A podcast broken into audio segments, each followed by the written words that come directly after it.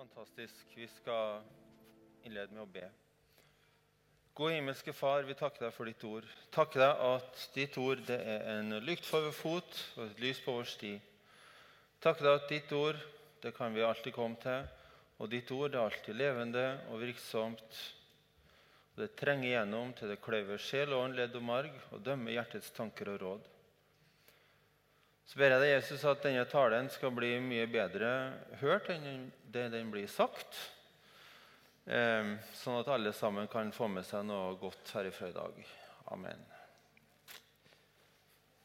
Noen som sa amen til det? Takker for eh, innledningen og velkomsten. Stakkars Egil Elling. Han kom til meg i dag og sa jeg har vært våken i hele natt og ligget og bedt for deg at du må ta noe å si i dag, sa han til meg. Klokka åtte i går kveld fikk jeg en SMS. 'Hvordan går det?' Klokka ti. 'Ja, har du landa på noen ting?' Jeg har fått et, fått et emne for denne eh, talen, og det er Skal vi se Jo, Guds ord som basis for å høre Guds stemme, og undertittel 'Hvis du vil høre Guds stemme, må du lære deg det himmelske språket'. Og Det syntes jeg var så vanskelig at jeg begynte ikke å forberede meg før i går ettermiddag. Jeg gikk mikrofonen av nå. Nei, må ha den på. Men eh, eh, da begynte det å bli litt interessant. Eh, for jeg tror nemlig at det skjer en bibeloppvåkning i vårt land og i verden for øvrig. Det er jeg ganske overbevist over. Eh, Bibelen, den nye oversettelsen, har solgt mer enn Knausgård i 2011. Atter på bestselgerlista. Eh, mange miljø rundt omkring ønsker å starte opp bibelskoler. Eh, vi har fått henvendelser fra mange plasser. og som vi nevnte, så var Solvår Angeltveit altså leder på akta. Hun er i Thailand for å hjelpe den thailandske kirka å starte akta. Eh, Else Grete Kolnes har sittet sammen med Somchai og oversatt vår fagplan til thai. Eh, sånn at de har et utgangspunkt. Eh, I Ukraina har de spurt om hjelp til å starte bibelskole. Levanger og Gulset i Skien kan dere hjelpe oss, sende oss ting, eh, sånn at vi kan komme i gang med våre bibelskolesøknader. Sjøl har vi på akta eh, løfta taket fra 40 plasser til 70 til inneværende år, pluss 30 på et andre år, som vi ikke kommer i gang med ennå, men som eh, ligger der og venter på oss. Det, det er spennende. Så Guds ord som basis for å høre Guds stemme, det er veldig, veldig, veldig bra. Eh, og jeg skal starte å lese fra 2. Timoteus brev, kapittel 3, vers 15. Og Der står det Helt fra du var et lite barn, har du kjent de hellige skriftene, de som kan gi deg visdom til frelse ved troen på Jesus Kristus. Hver bok i Skriften, altså her, er innblåst av Gud og nyttig til opplæring, tilrettevisning, veiledning og oppdragelse i rettferd, så det mennesket som tilhører Gud, kan være fullt utrustet til all god gjerning. Hold fast på at det er fullt utrustet. Det er en eh, flott, flott eh, sak. Jeg har lagt merke til at de som oftest og mest treffsikkert hører Guds stemme, ofte er de samme som gjerne leser i Bibelen og planmessig leser Bibelen. Hvis du ikke har tenkt på at det er en sammenheng der, så kan du tenke på det nå.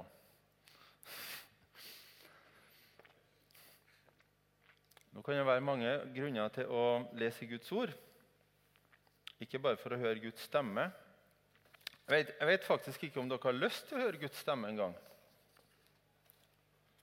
Um, har du virkelig lyst til å høre fra Gud?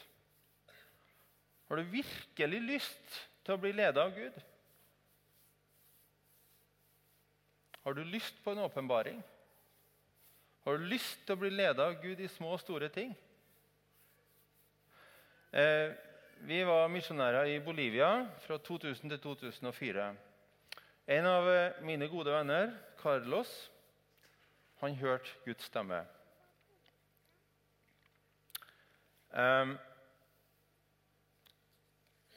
Carlos var en av de mest trofaste i menigheten. Han tok ansvar. Han kom først hver søndag. Um, og han gjorde gode valg ut fra det han leste i Bibelen. Men han har ikke vokst opp et kristent hjem. Han har ikke gått på søndagsskole. Han har ikke en eneste kristen i hele slekta si. Eh, han var ikke et bønnebarn. Han var opptatt når han vokste opp, med det som var gøy, og det som denne verden kunne by på. Det var eneste fokuset hans. Eh, og penger og alt det der. Jenter og alt.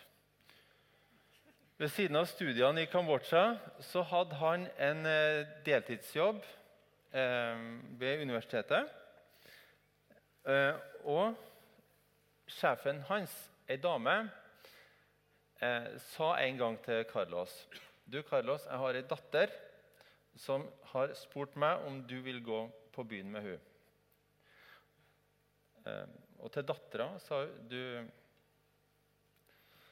jeg har en kjekk kar på kontoret som har spurt om han kan få lov til å være med ut på byen eh, og ete med deg. Det var jo ikke sant, noen av de tingene der, da.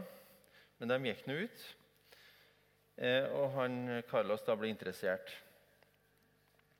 Og Etter at de hadde treftes noen ganger, og det lå ut, lå, så ut til at det kunne bli noe mer, så sa hun eh, Francis Eh, du, Carlos, du er, du er, veldig kjekk, og sånn, men eh, det er ikke problem med deg. Det er at du ikke er kristen. For hvis jeg skal ha en mann, så må han tro på Jesus. For det å tro på Jesus, det betyr mest for meg. Ja vel. Ok. Så, ble han med i kirka, da. Eh, på tirsdagene, tror jeg, på sånn ungdomsgruppe. Og Han eh, likte lovsangen, men han forsto ingenting av talen.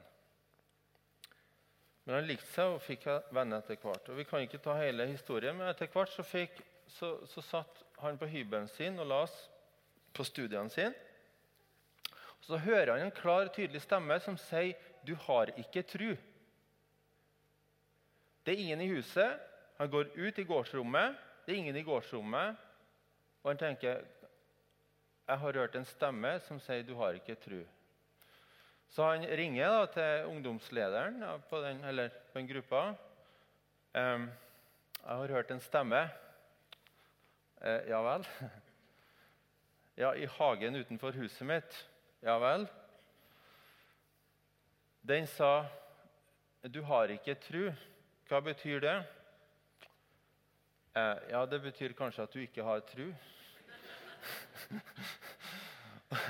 Ok, Hva skal da gjøre for å få tru? Jo, I Romerne 10 står det at truen kommer av det budskapet en hører. Og Carlos, da, som studerte til å bli ingeniør, han tok det veldig bokstavelig og konkret. Så han tok Bibelen og las Guds ord høyt for seg sjøl, så han hørte det. Og jo mer han hørte Guds ord, jo mer festa Guds ord og trua grepet om livet hans. Så hvis svaret er på spørsmålet om du vil høre Guds stemme, er ja, og du har et positivt forhold til Guds ord, så er det en god start. Jeg skal se litt om hva Bibelen er for noen ting. Det blir forhåpentligvis en kortversjon av en bibelskolelærer. Bibelen, eller Skriften, som det jo kalles, det er fortellingen om Guds handling i historien.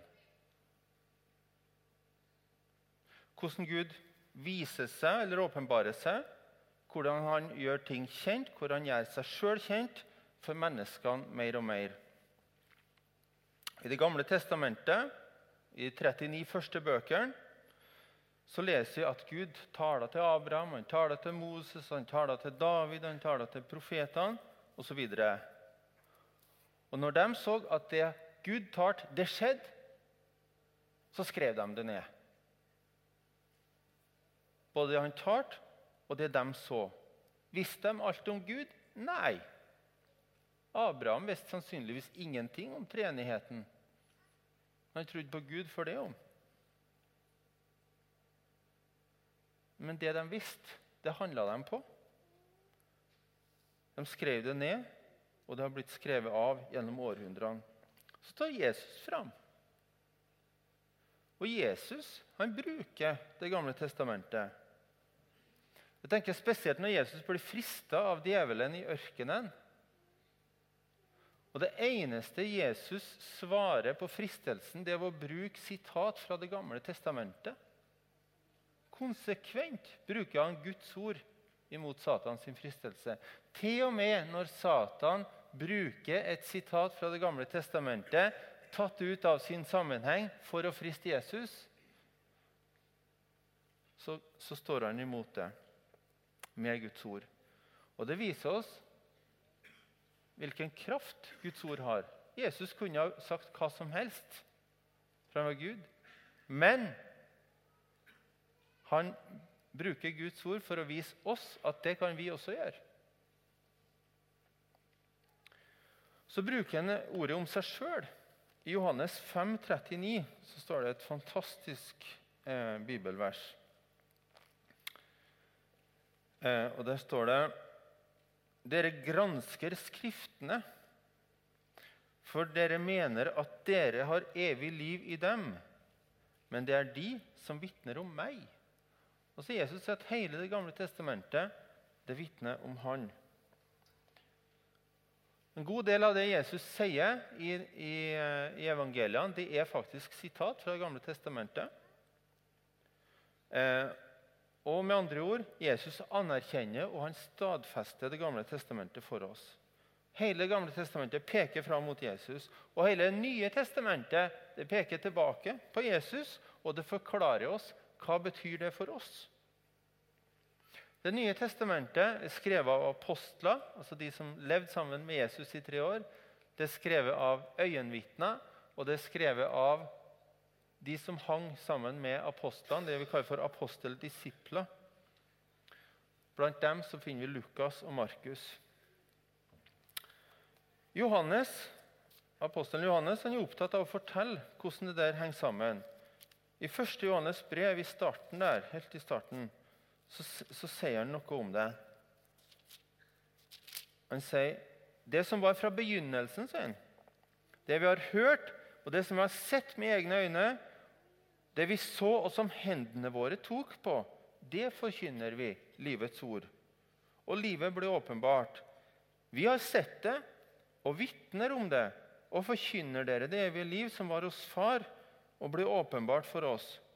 Det som vi har sett og hørt, forkynner vi også for dere, for at dere skal ha fellesskap med oss, vi som har fellesskap med Far og med Hans Sønn Jesus Kristus. Altså det, det Johannes sier, vi har sett det, vi har hørt det, vi har tatt på det. Det er ikke noe, det er ikke noen sånn indre opplevelser vi har delt. Det, det er konkrete hendelser. Det er erfaring. Det pålitelige vitneutsagn fra opplevde ting. Og Peter, den andre apostelen, han, han, han uh, sier også noe om det i 2. Peters brev, kapittel 1, vers 16. Han sier vi fulgte ikke klokt uttenkte myter da vi kunngjorde for dere vår Herre Jesu Kristi kraft og Hans komme. Nei, vi var øyenvitner. Og så Hans guddommelige storhet. For han fikk ære og herlighet av Gud, sin far, den gang røsten lød over ham fra den høyestes herlighet. Dette er min sønn, den elskede, i ham har jeg min glede. Vi hørte selv denne røsten fra himmelen da vi var sammen med ham på dette hellige fjellet. Derfor står også profetordet så mye fastere for oss. Dette ordet gjør dere rett i å holde fast på. Det er en lampe som lyser på et mørkt sted til dagen gryr, og morgenstjernen stiger opp i deres hjerter. Men dere må framfor alt vite at en ikke kan tyde noe profetord i Skriften på egen hånd. For aldri ble noen profeti båret fram fordi et menneske ville det, men drevet av Den hellige ånd talte mennesker ord fra Gud. Dette, Vi var øyenvitner, vi så en særlighet, vi hørte røsten fra fjellet. Det er erfaringer Peter deler. Og så sier han disse erfaringene bevitner Guds ord. Så det er en sammenheng mellom de erfaringene apostelen gjør, og det ordet, profetordet. Jo, da nærmer vi oss sammenhengen mellom Guds ord og hører fra Gud i dag. Han sier også at vi ikke skal tyde skriftord på egen hånd. Det er kanskje derfor at det av og til går trått med bibellesningen. At vi gjør nettopp det.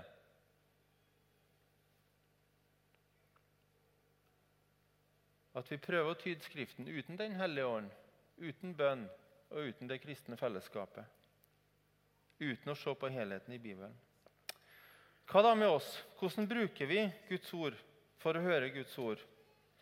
Det er jo da noen som mener at Gud ikke lenger taler direkte til menneskene. Han talte til profetene og apostlene, og han taler ikke lenger. Det er ofte de samme som mener at Gud heller ikke helbreder lenger i dag. Og jeg kan til en viss grad forstå den skepsisen. En vil jo ikke motsi det som Gud allerede har sagt i Skriften. I tillegg så fins det mange advarsler mot falske profeter. Peter skriver om dem. Disse mennesker er kilder uten vann og tåkedotter som virvler i vinden. Den falske profeten er tåkedotter som virvler i vinden. Ja.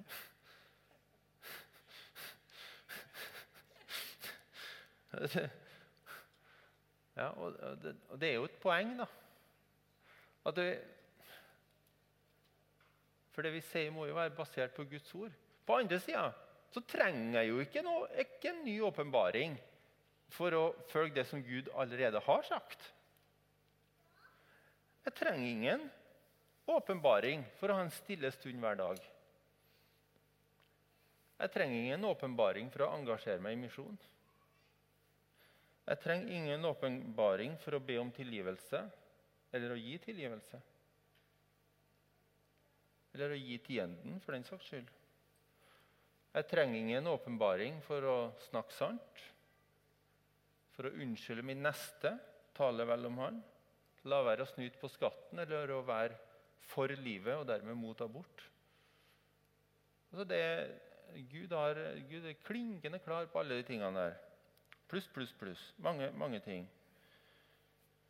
Jeg tror at kanskje mange spør etter Guds vilje og forventer at Gud taler direkte når det er bare å lese.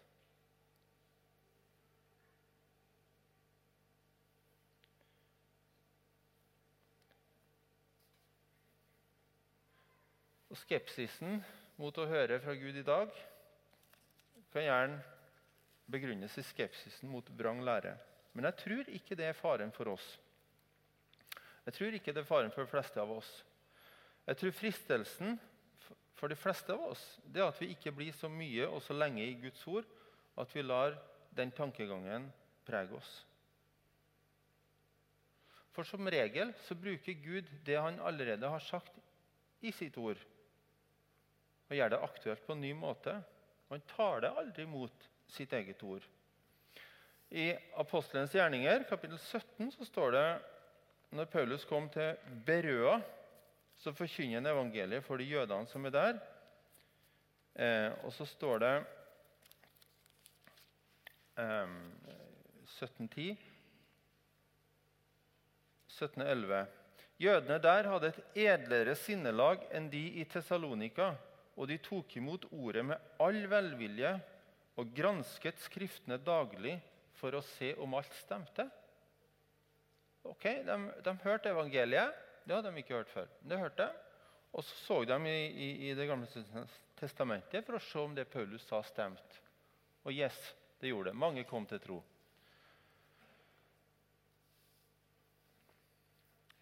Så hvordan kan Guds ord være en plattform for å høre fra Gud i dag? Jeg tror mye handler om å la Guds ord prege oss, og la det prege hele oss. Så vi lar Guds ord prege vårt gudsbilde og vårt selvbilde, vår tankegang og vår tale. Og for det andre at det preger oss på en måte at vi tar inn Guds ord sånn som vi er skrudd sammen. Noen er visuelle. De må lese eller se. Noen er audible, altså de må, de må høre. Noen trenger begge deler. Om du leser alene eller i gruppe Det første året jeg jobbet på Akta, så var det en som var så ekstrovert at han sa jeg kunne gjerne ha en stille stund, bare er det noen andre som har en stille stund sammen med meg i samme rommet. Da går det bra. Han trengte ikke å snakke i lag, men bare, bare å være der. Om morgenen, om kvelden eller midt på dagen. En artig, artig hendelse på mandag så hadde jeg en formiddag hjemme. Jeg tenkte nå må jeg lese Bibelen. Så jeg hadde kommet til historien om David og Goliat. Eh, og Så kommer Kristian da, på fem år, fem og et halvt, og setter seg inn på kjøkkenet mens jeg leser det. sier du, Kristian, nå leser jeg om David og Goliat. Å ja! Den er kul! sier han. Og Så sprenger han opp på loftet, henter et puslespill som han har om David og Goliat. Kommer ned på kjøkkenbordet, legger det, og så snakker vi om, eh, om de der på, på puslespillet. Det er også en måte å lese i Bibelen på. For det tredje hvordan, hvordan Guds ord kan prege oss. Jo, å be om forståelse. Og det, det, er noe som jeg har lært meg kanskje de siste årene. At når jeg leser noe som jeg ikke forstår, så hopper ikke jeg bare videre, men sier Kjære Jesus, hva mente du med å si det du sa her? Hvorfor sa du det sånn? Hvorfor sa du det på den måten? Du stiller spørsmål til, til Altså, Gud, du har skrevet det her. Gud er ditt barn. Jeg forstår ikke hva du mener. Kan du hjelpe meg å forstå det? Ja, jeg tror Gud anerkjenner spørsmålet. Det er at du snakker om det du leser. Når jeg var tenåring, så var jeg hos en eh, var avløser. Ikke sikkert dere vet hva det er for noe, men, men så jeg melka kyr hos eh, en nabo når de var på ferie. Og så og så overnatta der òg, sånn at jeg skulle være på gården mens jeg var avløser. Og så var det en, en kårkall, som vi kaller det. Altså pensjonert bonde. Han gikk da og vekte meg hver morgen. Det var på den måten at han, at han gikk inn i stua, sånn cirka under der jeg hadde soverommet. Så hadde han en kost som han dunka i taket. Eh, og, og, så vekte han meg. Og så gikk jeg inn til han og så til frokost med han før vi gikk i fjøset. Men da hadde han allerede lest to kapitler i Gamle testamentet og ett i det nye. For det gjorde han hver dag. Og så snakka han om det. Og Så var han med i fjøset, og så snakka han om det han hadde lest. Jeg forstår ikke det der, Og så, så snakka han om det og spurte hva mener du også. Åpne opp for forståelse. For det fjerde det går an å teste noen av erfaringene. Altså, Bibelen har et fascinerende persongalleri med masse mennesker som hører Guds ord, og som går på det, og som lever etter det. Hva gjorde de med, med det ordet de fikk av Gud? Hva gjorde de med den tilskyndelsen de fikk? Hvorfor handla de sånn? Det går an å lære av deres handlemåte. Og for det femte Jeg vet ikke om du har opplevd at et ord tar deg. Et ord som du leser i Bibelen og hører. Det er bare akkurat som det holder fast i hælen din og slipper ikke taket. Um, det kan være av typen Uansett hvor du slår opp, så leser du det samme. Det tror jeg du Øystein, snakka om eh, for et par uker siden. Um, eller det kan være et løfte. Det kan være at du leser, og så plutselig hopper du ut et bibelvers. Eh, mine svigerforeldre Eller svigermor, hun er gammel. Og hun, eh, når hun var 37 år, så gifta hun seg med en mann på 41, og de fem første årene var de barnløse. Eh, sånn at de trodde ikke at de fikk noen unger, egentlig. Men de hadde fått et bibelord fra Jesaja 49. Eh, og I Jesaja 49 der står det mye om barnløshet og ufruktbarhet. Jeg skal bare slå det opp. Men i og med at de ikke fikk unger, så trodde i hvert fall ikke misjonen at de fikk noen unger. Så de sendte dem til Etiopia som eh, internatforeldre for misjonærbarn. På den tida trodde de at de gjorde Gud en tjeneste ved å sende ungene på internat. Så de hadde 49 unger eh, på internatet, tror jeg det var. Men så reiste de ut med det, med det bibelløftet fra Jesaja 49, 22. De kommer med sønnene dine på armen, og døtrene dine bærer de på skuldrene. Eh, og Det var et ord som ikke slapp taket. Et løfte som de tok som sitt. Og det skjedde faktisk sånn. De kom med to egne barn fra Etiopia i relativt god alder forhold til veivalg også. Da vi var i Bolivia, så var spørsmålet skal vi bli der eller her. Der. Når vi var der, så var det her. Skal vi bli her på livstid, eller skal vi eh, reise til Norge? Jeg sendte jo mail til Martin òg, faktisk, og spurte. Eh, og Sjøl om Martin ga et godt svar, så trengte jeg et ord fra Skriften. eh, som besegla det. Nå viste det seg at Martin og Skriften var nokså enig, da. Men eh, det visste jeg jo ikke da. Jeg kjente jo ikke Martin heller, forresten. Jeg sendte mail til han. Eh, det står sånn i, i, i eh, Første Mosebok 28, 15, og Det var et ord som i det at vi spurte Gud om ledelse og hva er veien videre. Bli eller reis. Så var ordet sånn. Se, jeg vil være med deg og bevare deg overalt hvor du går, og føre deg tilbake til dette landet. For jeg skal ikke forlate deg, men gjøre alt jeg har lovet deg. Og når det ordet ble levende, eller tatt imot, så er det akkurat sånn Ok, greit. Ikke sikkert du forsto det. Men, men, Gud tar det gjennom sitt ord inn i helt konkrete situasjoner når vi står på valg. Og Jo mer du, du på en måte har bygd opp et arsenal av kunnskap om Guds ord, jo tryggere er du egentlig på å treffe. Det kan gjelde i de små valgene, skal gå til hun eh, og spørre om jeg skal be for hun, eh, eller så, hva skal jeg bli? Altså det, det, er så mange valg, men Guds ord kan hjelpe oss i det. Eh, og for det sjette prøv igjen om du bomma. I 1. Korinter 14,31 står det dere kan alle tale profetisk. Og Det er veldig lett å si for den som på en måte har litt erfaring med det. Og det er veldig vanskelig å si for den som Ja, det har jeg ønska hele livet, men det har aldri skjedd. Ikke sant? Det går an å prøve seg litt forsiktig. Og sjøl om en skulle bomme, sjøl om det var meg og ikke Gud, så går det an å prøve igjen.